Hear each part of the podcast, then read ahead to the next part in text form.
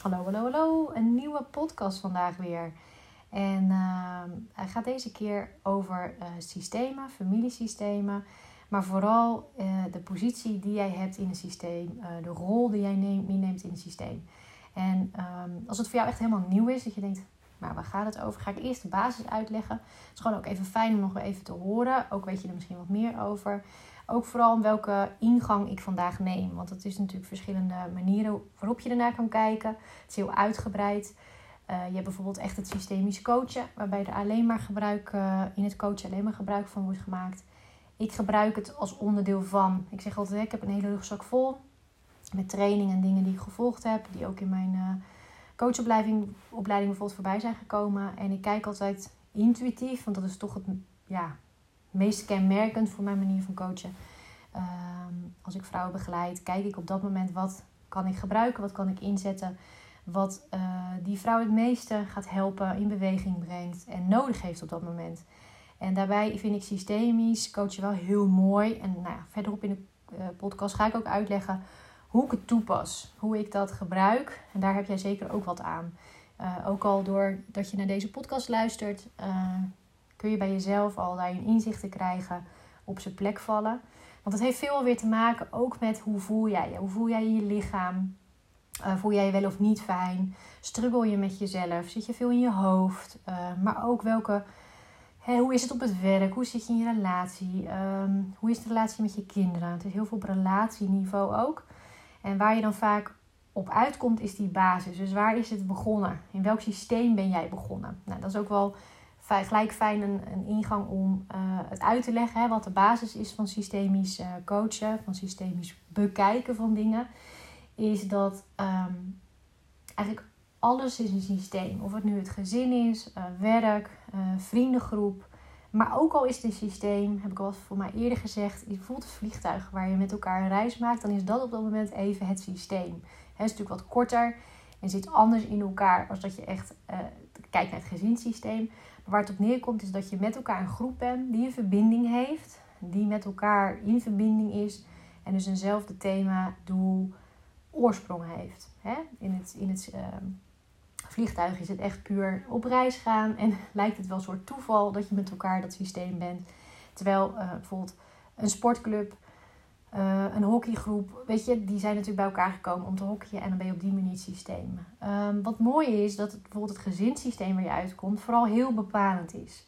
Je hebt ook hele mooie boeken over, bijvoorbeeld de Fontein, waarin al omschreven wordt um, hoe belangrijk het is welke rol je in het systeem hebt. Deels is het bepaald. Hè? Word je als eerste geboren, word je als tweede geboren, derde of vierde.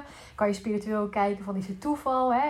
of niet? Heb je ervoor gekozen? Zeker als je spiritueel bent, dan kijk je er vanaf zo naar. Van nou, ik heb ervoor gekozen om bijvoorbeeld als middelste geboren te worden. Ik heb uh, twee broers, eentje boven me, eentje onder me, om het zo te zeggen. Uh, maar los daarvan, je, nou, hè, je bent onderdeel van het systeem als je geboren wordt en je komt in het gezin en je hebt dus al een positie. Je staat ergens in het systeem. Nou, is er een, een, een plek, nou, stel ik, hè, ik ben in het middelste, is dat de meest gezonde plek waar je kan staan. Dat is eigenlijk gewoon wat het systemisch is. Dus als je er plat naar zou kijken, je maakt een tekening, zet je bijvoorbeeld een kruisje van vader, moeder, broers en ik als, als uh, meisje uh, daartussenin. Uh, dus eigenlijk heel inzichtelijk. Hè? Daarom is het ook systemisch. Het is dat je het gestructureerd bekijkt. Uh, verder, als je natuurlijk dieper naar gaat kijken, zitten er natuurlijk veel meer ladingen op. Je voelt er ook van alles bij. De plek waarop jij geboren wordt, maakt ook hoe jij je voelt. Hoe de relatie is tussen je ouders. Uh, de relatie bijvoorbeeld als ik middenin zit of als ik de jongste ben. Iedereen heeft wel dat hij zelf weet, oh, hè, dat er gezegd wordt bijvoorbeeld, oh, de jongste. Dat zijn meestal een beetje de vrije vogels. Hè, de eerste, de oudste, die krijgen meestal opvoeding uh, wat, wat uh, serieuzer mee. Ouders zijn het voor het eerst allemaal aan het doen. En uh, nemen dat vaak serieus. Of zijn het nog een beetje aan het uitproberen. Maar de focus is er veel meer op. Terwijl bijvoorbeeld bij de jongsten dat alweer losser is. Daar hebben ze het allemaal een keer gedaan. Dat geeft al bepaalde energie mee aan die plek in dat systeem. Dus ga voor jezelf ook eens na. Dat vind ik ook zelf altijd een leuke. Van ja, welke positie ben jij geboren al? Dus wat is eigenlijk je oorspronkelijke plek? Uh, dat is het begin. Nou ja, en dan kan natuurlijk van alles gebeuren. Dat is vaak wat ik natuurlijk in de coaching voorbij zie komen. En wat het juist zo interessant maakt, is wat gebeurt er daarna? Welke eh, relaties zijn er nog meer ontstaan? Welke gebeurtenissen zijn er in een gezin? Waardoor dat nog wel eens kan switchen. Welke gebeurtenissen zijn er in jouw eigen leven, waardoor je bepaalde keuzes kan maken? Is een relatie met bijvoorbeeld een moeder niet zo oké? Dan kan dat veranderen. Kan je ehm, een andere positie aannemen dan dat je oorspronkelijk ingeboren bent. Zo komt bijvoorbeeld vaak voor, en daar heb ik het vaak in de coaching ook over met vrouwen, dat je een andere plek in gaat nemen. En dat heeft dan vooral te maken vaak met loyaliteit. Dus je wil heel loyaal blijven bijvoorbeeld naar een broer. Uh, je wil heel loyaal blijven naar een klein zusje. Dat je denkt, ach ja, ze is altijd de kleinste. En uh, misschien maakt ze wel wat mee. Hè, dat je het zielig vindt. Dat je zegt, nou, ik geef mijn positie op. Laat haar maar de middelste zijn. Dan ben ik de jongste. Soms gaat het natuurlijk, of meestal, gaat het onbewust. Hè? We, zijn, we maken allerlei dingen mee, maar zijn ons op dat moment niet bewust. Dingen groeien, er gaan jaren overheen. Hè? Misschien overlijdt er wel iemand in het systeem. Komt er iemand bij in het systeem. Um, loyaliteit is dan vaak waaruit zeker hoogsensitieven gaan handelen. Andere positie in gaan nemen. Maar ook schuldgevoel is een bekende. Dat je je schuldig gaat voelen. Dat is iets wat we als hoogsensitieve vaak met ons meenemen. We voelen ons ergens schuldig over. Terwijl als je er logisch over na zou gaan denken, zie ik vaak in sessies ook terug. Als je het hardop gaat benoemen waar je bijvoorbeeld nog schuldig over voelt. Dat je zelf eigenlijk denkt, hé, dat is toch eigenlijk niet iets om schuldig over te voelen. Maar toch ziet het er diep van binnen. En is het zo belangrijk dat je er bewust van wordt. En dat je het gaat uitspreken. Want dan kan je er ook iets mee. Dan kan het helder worden en kan je het los gaan laten. Want ook al denk jij van, nou dat is toch eigenlijk onzin of is niet nodig. Dat weet je lichaam niet. Dat weten de emoties niet die eraan gekoppeld zijn. En zolang die niet opgeruimd zijn, die niet zijn losgelaten, blijf je er last van houden. Dan kan je nog zo hard denken met je hoofd: nee hoor, dat heb ik opgelost. Of nee hoor, ik ben er bewust van. Je houdt er last van omdat je het niet bij de wortel, hè, je kijkt het niet echt aan, je gaat het niet vanuit de wortel opruimen. Het is net eigenlijk als een plant. Als je het niet opruimt, onkruid bijvoorbeeld, dan komt het weer. Dan zie je na een paar dagen, soms al, soms weken, zie je het weer opgroeien. En denk je, ik had het toch weggehaald. Maar als je het niet diep weghaalt, dan blijft het komen.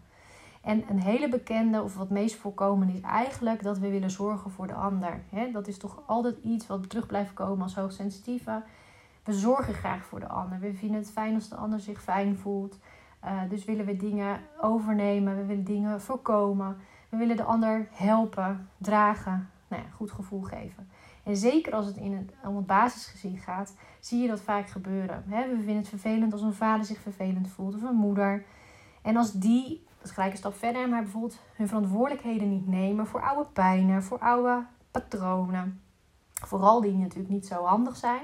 Die zij ook waarschijnlijk weer hebben gekregen van hun ouders. Dat is die fontein ook en het niet aangaan, dan zie je vaak dat de hoogsensitieve in het gezin dat stukje op zich gaan nemen en zeggen: Oh, kom maar bij mij. Ik, ik neem dat stuk wel over, ik draag het wel, ik kan het wel. En dat is ook vaak, hè? want op gevoelsniveau voelen we ook nog eens aan wat er zit. En we zijn vaak krachtig, dus we nemen het op onze schouders. Is het de bedoeling? Nee. Maar ja, vaak doen we het onbewust. Als ik naar mezelf kijk, is dat, ehm, is dat onbewust gegaan in mijn kinderjaren. Totdat je natuurlijk gaandeweg meer last van krijgt. En ja, ook niet meer de bedoeling is. Je mag in je eigen energie gaan, je mag je eigen dingen doen, je mag je eigen leven leiden. Maar goed, dat zijn allemaal verdiepingen die eigenlijk weer verderop in het systemisch coachen zitten. Op het moment dat je die systemen gaat bekijken, uh, dat ik met een vrouw echt naar een dieper niveau ga kijken, dan komen dat soort dingen omhoog. En kun je die ook helen. Kun je die aangaan en kan vooral een vrouw weer gaan kiezen voor, hé, hey, welke rol ehm, heb ik, had ik oorspronkelijk en welke wil ik, wil ik nu voor kiezen. En daar kom ik zo uh, ook nog even op terug, want daar heb ik ook een hele mooie oefening voor uh, om te doen. Um, maar goed, dat is dus die basis. Je kan je dus voorstellen, uit, als jij goed voor die ander wil zorgen, hè, vanuit die energie, uh, dat je dus letterlijk kan je dan de plek van de ander overnemen. En dat wordt dat heel mooi zichtbaar in, um, in hè, bijvoorbeeld dat boek van de Fontein. Dat je gaat zien uh, je moet het zien als een soort champagne. Uh, weet je, op een feestje heb je wel eens van die champagne stapels. Hè, dat je die glazen allemaal op elkaar hebt. En er wordt dan de champagne van bovenaf ingeschonken. En dat druipt zo, of dat stroomt er zo mooi overheen. Um, dat wordt als voorbeeld gezien is dat het gezond is, is dat jouw ouders bijvoorbeeld boven jou staan. En dat heeft niks met dominantie of iets te maken, maar dat ze letterlijk nou ja, boven jou staan, omdat ze eerder geboren zijn. Jij wordt weer geboren, dus jij staat daaronder. En wat er vaak gebeurt als we voor de ander gaan zorgen, we nemen dingen over, dan gaan we boven hen staan. Dus dan gaan we boven, als kind boven de ouders staan. Je kan je voorstellen dat dat niet gezond is. Dat is niet die gezonde rol en niet je gezonde plek. De grap is juist dat we vaak daaraan wel aan vast willen houden. We zijn, raken een beetje verslaafd aan die plek. We zijn het, zijn het gewend geraakt. En we vinden het ook wel fijn om daar te staan. Dus soms kom je erachter en dan is het nog niet eens dat je gelijk denkt: Oh nee hoor, het is oké. Ik stap naar beneden en ik ga er weer onder staan. Want het is een soort onwennig. Nou, dat soort dingen kunnen er allemaal ontstaan en kunnen er bij jou ook aan de hand zijn. Hoe kom je daar nou achter? Hoe kom je erachter dat je daar nou ja, boven of onder staat? Het eerste wat je voor jezelf kan doen is überhaupt daar eens over uh, nadenken. Dat is een beetje laten flowen in jezelf. Uh, wat kan je verder doen is um, een tekening maken. Dus gewoon een vel papier pakken. En uh, als eerste een kruisje voor jezelf zetten. Of als je goed in tekenen bent, uh, maak je er iets anders moois van zet je jezelf neer en dan ga je eens intuïtief voelen. Dus probeer even alles lekker los te laten. Even zo'n moment voor jezelf te pakken. Ogen dicht te doen. Voeten even lekker goed op de grond. En eens te kijken van, hé, hey, waar zou ik vanuit mijn intuïtie bijvoorbeeld mijn vader zetten ten opzichte van mij? En zet dan maar op dat vel papier waar, dat, waar hij zou mogen komen staan. En is dat bijvoorbeeld dicht bij jouw kruisje? Of is dat echt helemaal aan de andere kant van het papier? Weet je, en doe vooral wat als eerste omhoog komt. Hè? Want dat is vaak, dat is je gevoel, dat is je intuïtie. Vaak komt daarna een stemmetje. Bijvoorbeeld dat jij hem helemaal aan de andere kant van je vel wil zetten. En dan zegt een stemmetje, ja, dat kan je niet maken. Weet je, dat is, dat is niet eerlijk. Of dat hoort niet. Hij hoort dicht bij mij te staan. Of hè, meestal staat hij toch ook wel dichtbij. Dan is het toch een reden waarom hij veraf staat. Probeer dat niet te veroordelen. Probeer daar niet gelijk iets van te vinden of het te analyseren. Maar zet hem neer. En Vertrouw erop dat het jou informatie gaat geven waar jij mee verder kan. Nou, zo doe je dat ook met de anderen in het gezin. En heb je zoiets, nou, je wilt wel voor iets anders uh, meer nagaan. Hè? Bijvoorbeeld een vriendengroep of mijn relatie nu. Dan kan je het op diezelfde manier, uh, kan je dat eens voor jezelf inzichtelijk gaan maken. Dus het hoeft niet moeilijk, hè. Dus een vel papier. Mag ook wel een lekker groot papier zijn. En, maar vooral wel natuurlijk intunen op je intuïtie. En iedereen doet dat weer anders. Hè? Misschien heeft het voor jou, de andere podcast ook al gedeeld, helpt het jou om even lekker te springen en te dansen. En daarna rustig even te mediteren, te zitten. En even helemaal niks. Dat het helemaal stil om je heen wordt. En dat je op die manier contact, meer in contact komt met jezelf. Misschien helpt het om eventjes lekker de natuur in te gaan. En misschien ben je op dat moment al lekker zen. En pak je een moment, bewijzen van op een zondag. Dat je denkt, oh het is al een relaxte dag. Ik pak het er eens bij en ik ga het eens bekijken. Maar dat is wel een mooi begin om, om op die manier eens inzichtelijk te maken vanuit je intuïtie, net als je een flow schrijven doet, dat je ook dit zo op het papier zet en eens kijkt, hé, hey, wat gebeurt er eigenlijk? Nou, vervolgens, als je hem gemaakt hebt, kan je daar dus een soort analyse, hè, kan je gaan kijken, hé, hey, wat valt me op? Waar zet ik inderdaad moeder? Je kan nog kleurtjes gebruiken, welke kleuren komen omhoog, bijvoorbeeld bij je, uh, bij je ouders of bij jezelf, of bij, nou ja, als je het voor je uh, bewijs van sportclub doet, doe je het op die manier om een beetje inzicht te krijgen hoe het werkt. En als je dat natuurlijk verder gaat analyseren, wat ik wel eens met vrouwen doe, dan kun je natuurlijk aan allerlei dingen kunnen dan op gaan vallen. Dus staat iemand dicht bij je. Ehm, nu is het op papier. Als ik het echt in real life doe, doe ik het vaak met papier op de grond. Maar dan kan je ook allerlei dingen omhoog gaan komen. Ik vind het zelf daarom echt een heel mooie manier om dingen inzichtelijk te maken. Want zelfs um, mensen die echt sceptisch zijn, Hè, voor, voor, over energieën bijvoorbeeld, of, of voelen of dingen die niet zichtbaar zijn, laat ik het dan zomaar zeggen. Niet zozeer vanuit het hoofd te meten zijn of te benaderen zijn. Die komen, die er dan aan meedoen, ja, die kunnen er niet omheen, zeg maar. Dat is elke keer zo wonderlijk. Ik denk zelf dat ik echt een systemische opstelling dan heb. Want dan, dan heb je het echt niet over dat je bijvoorbeeld met een groep mensen staat en iemand die dat dan begeleidt. En die zet je dan jezelf neer iemand anders kies jij uit de groep van jij bent mij. En die zet je dan neer. En je kiest anderen die dan bijvoorbeeld jouw vader, moeder, uh, hè, je, je, je zus zijn. En je gaat dan kijken hoe je de ander neerzet. En het kan zijn dat je bijvoorbeeld iemand um, met de rug naar jou toe heel ver bij je vandaan zet. Of iemand juist heel dicht op je. Dat je het gelijk benauwd krijgt, bij wijze van. En nou ja, nogmaals, de grap is dat uh, ik dat jaren geleden voor het eerst heb gedaan. Iemand die toen nog uh, contactpersoon met iemand uh, toen nog op HR zat. Die zei, kom maar, hè, kom het eens ervaren. Weet je, dat, ik denk dat je dat wel leuk zou vinden. Dus ik in die zin, ik ging niet, sceptisch, niet zozeer sceptisch heen, maar wel nou ja, nieuwsgierig. over mij was toen echt, dat waren voor mij ook de eerste dingen dat ik echt dacht, hé, wauw, hoe werkt dit? Het was zo logisch, laat maar zeggen, wat omhoog kwam. Als jij voor iemand anders op een plek stond, ehm, wat je dan ging zeggen, wat je voelde. Je zei opeens dingen dat je denkt, hé, ben ik dat? Nee, op dat moment ben jij nog wel steeds jezelf. Maar je zegt echt wel dingen die dan bij die persoon horen waarvoor je bent neergezet. En ehm, ik weet dat in die tijd werd ik ook neergezet voor iemand voor een ondernemersopstelling. Dus hè, die wilde zijn bedrijf, hij was eigenaar en hij wilde zijn medewerkers neerzetten. Het liep niet zoals hij wilde.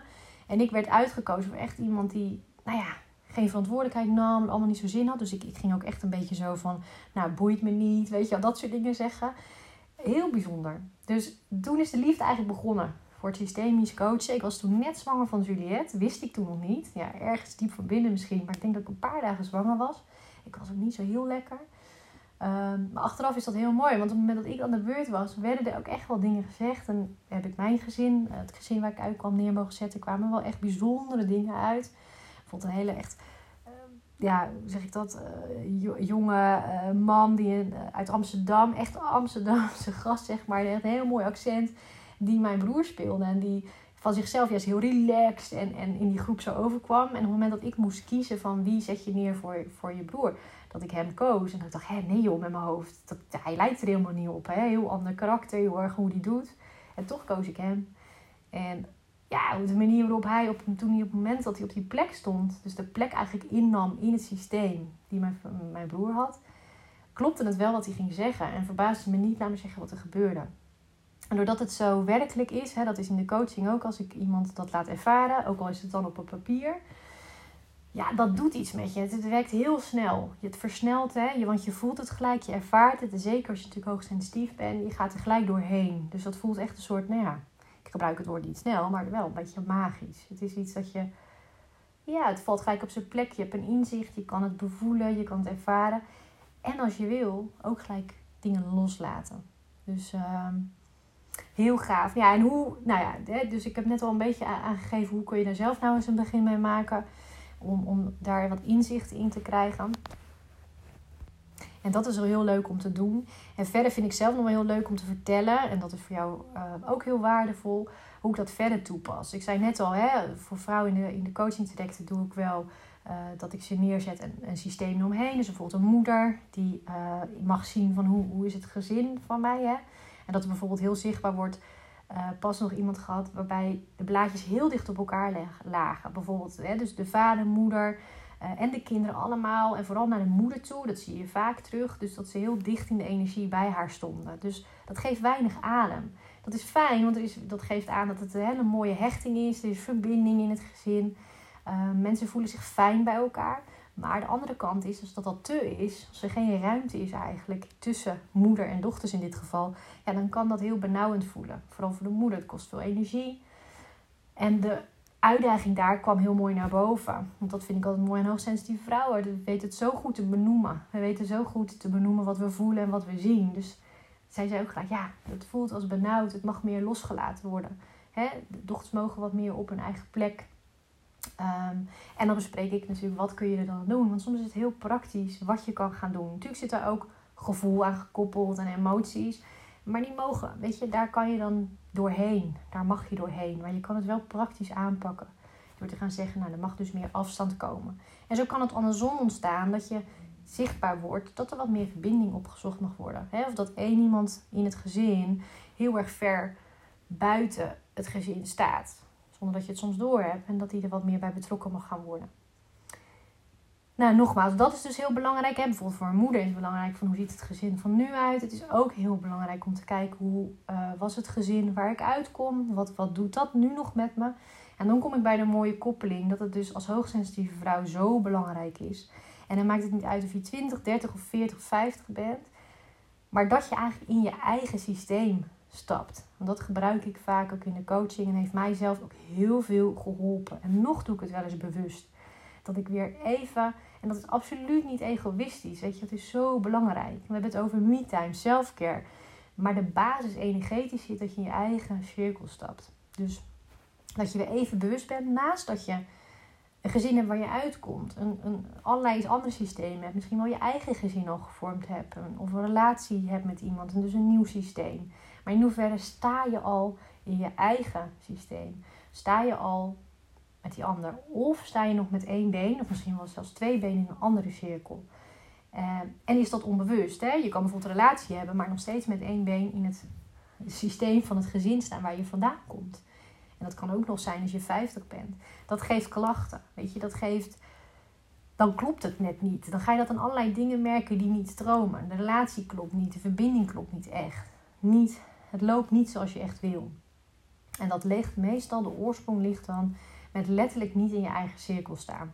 Nou, door een simpele oefening te doen, energetisch dus, maar ook gewoon heel praktisch, kan ik je laten voelen van hé, hey, hoe voelt het nou eigenlijk om in mijn eigen cirkel te staan? Wat voel ik daar? Wat houdt me nog tegen? En welke belemmeringen en, en struggles zitten nog tussen waar ik nu sta en waar ik eigenlijk heen wil, is naar mijn eigen cirkel. soms is het ook gewoon heel spannend om die naar je eigen cirkel te gaan. Denken we dan, hè? Gebeurt natuurlijk heel veel in ons hoofd. Dus misschien voor jou ook. Dit is wat roept dit al verwarring op en ga je veel in, je hoofd om na te denken. Hoe zit dat bij mezelf? Of oh, dan dat is ook weer heel logisch. En natuurlijk dat we Hè, dat we dat dan gaan, gaan proberen te begrijpen. Maar daar gaan we het in ons hoofd niet vinden. Daar gaan we het niet begrijpen. Het mooie is dus, meestal als je natuurlijk het al jij hebt gezegd tegen het traject, vrouwen zich daarin openstellen en het vertrouwen. En ook die stappen gaan maken. Dat je gaat zien en merken dat het juist zo fijn is. Vooral jouw lichaam, je verdere systeem, vindt het zo fijn om in die eigen cirkel terecht te komen. Of echt op die plek waar je hoort te zijn. Dat je niet langer anderen draagt of andere energie, met andere energieën bezig bent. En dat het voor die ander ook prima is als je die ander loslaat. Want wat het vaak ook een thema is, is dat we de ander blijven dragen, maar dat we de ander daardoor ook incompetent maken. Daarbij eigenlijk zeggen, oh jij kan het niet zelf. Terwijl de meeste mensen zijn echt wel capabel om van alles zelf op te pakken, zelf te doen. En is het vaak onze eigen onveiligheid, onzekerheid, dat we denken, ja nee, ik blijf maar op die plek. Want ja, die ken ik. Hè, die, die heb ik gevormd, die ken ik. Ik weet ook wat het me opbrengt, ook al is het niet fijn. Ik weet wat het me opbrengt. En dat is vaak waarom je er blijft staan. Ook al geeft je allemaal ongenoegen en onrust, hè, we het aan allerlei andere dingen. Maar kan dit je dus al veel verder helpen om je weer oké te gaan vinden? Zie het echt als die basis, die wortels, die plek waar jij hoort, waar je hoort te zijn. En dat op het moment dat je daar staat, weet je dat ook. Want dan voel je die rust. Dan voel je sereniteit. Voel je dat er van alles van je afvalt. En dat hoef je nogmaals niet te begrijpen. Dat kan je alleen maar ervaren, doorvoelen. Um, door op zo'n plek te staan en te weten: oh ja, dit is hem. Hier hoor ik te zijn. En ehm, het mooie is, wat er daarna gebeurt, is dat het doorwerkt. Dan krijg je in. Hè, vrouwen die krijgen dan allerlei dingen op hun pad. Van, hè, oh, ik kreeg deze reactie. Of, oh, nou, die andere heeft niet meer gebeld. Of heeft juist wel contact gezocht. Er gaat allerlei dingen switchen. En dan kom je natuurlijk ook weer op dat stuk wat zo gaaf is. Dat als jij jezelf gaat werken, als jij met jezelf aan de slag gaat, naar binnen keert, dit soort dingen aangaat, dat je juist in je omgeving ook die verandering ziet plaatsvinden. En dat is niet waarom je het doet. Hè? Dus wel meestal waar we mee bezig zijn. Vaak als mensen beginnen met coaching is nog, ja, maar die doet dit en daar heb ik last van. En die ander zitten vaak in de energie letterlijk nog bij de ander dat is wat we zien, dat is waar we toch enigszins controle op hebben. Terwijl het eerste wat we gaan doen is dan hup naar jezelf, naar binnen, naar jou. En dan, daar zit het allemaal. En dat is ook een lastige, want dan voel je ook onrust, je voelt af van alles. En je gaat je afvragen hoe dan. dat is natuurlijk wat je, waar ik in begeleid, hè, maar wat je voor jezelf ook al kan doen. Dat je dat stuk in ieder geval doorbreekt. Je zegt, nou, het is in ieder geval veilig om te voelen. Het is veilig om naar binnen te gaan is veilig om het aan te gaan. En dat je dat tegen jezelf zegt. Dus dat is misschien ook een mooie afsluitende boodschap voor deze podcast ook. Voor jou. Schroom niet om naar binnen te gaan. Gun jezelf um, om even niet op die ander te letten. Om de spiegels, hè, is het even niet. Maar ga naar jezelf. Durf te voelen. Durf te kijken wat, wat, er, ehm, wat er eigenlijk gezegd wordt. Wat je al vanuit binnen kan voelen en welke boodschappen jij mag krijgen en wat je ermee mag. En ga dat niet uit de weg. Het is ook niet dat je er altijd gelijk hè, van 0 naar 100 van alles mee moet doen. Maar in ieder geval die stap maken naar binnen toe. En ehm, eigenlijk door een stukje weerstand of door een stukje onrust heen gaan. Dat is echt helemaal oké.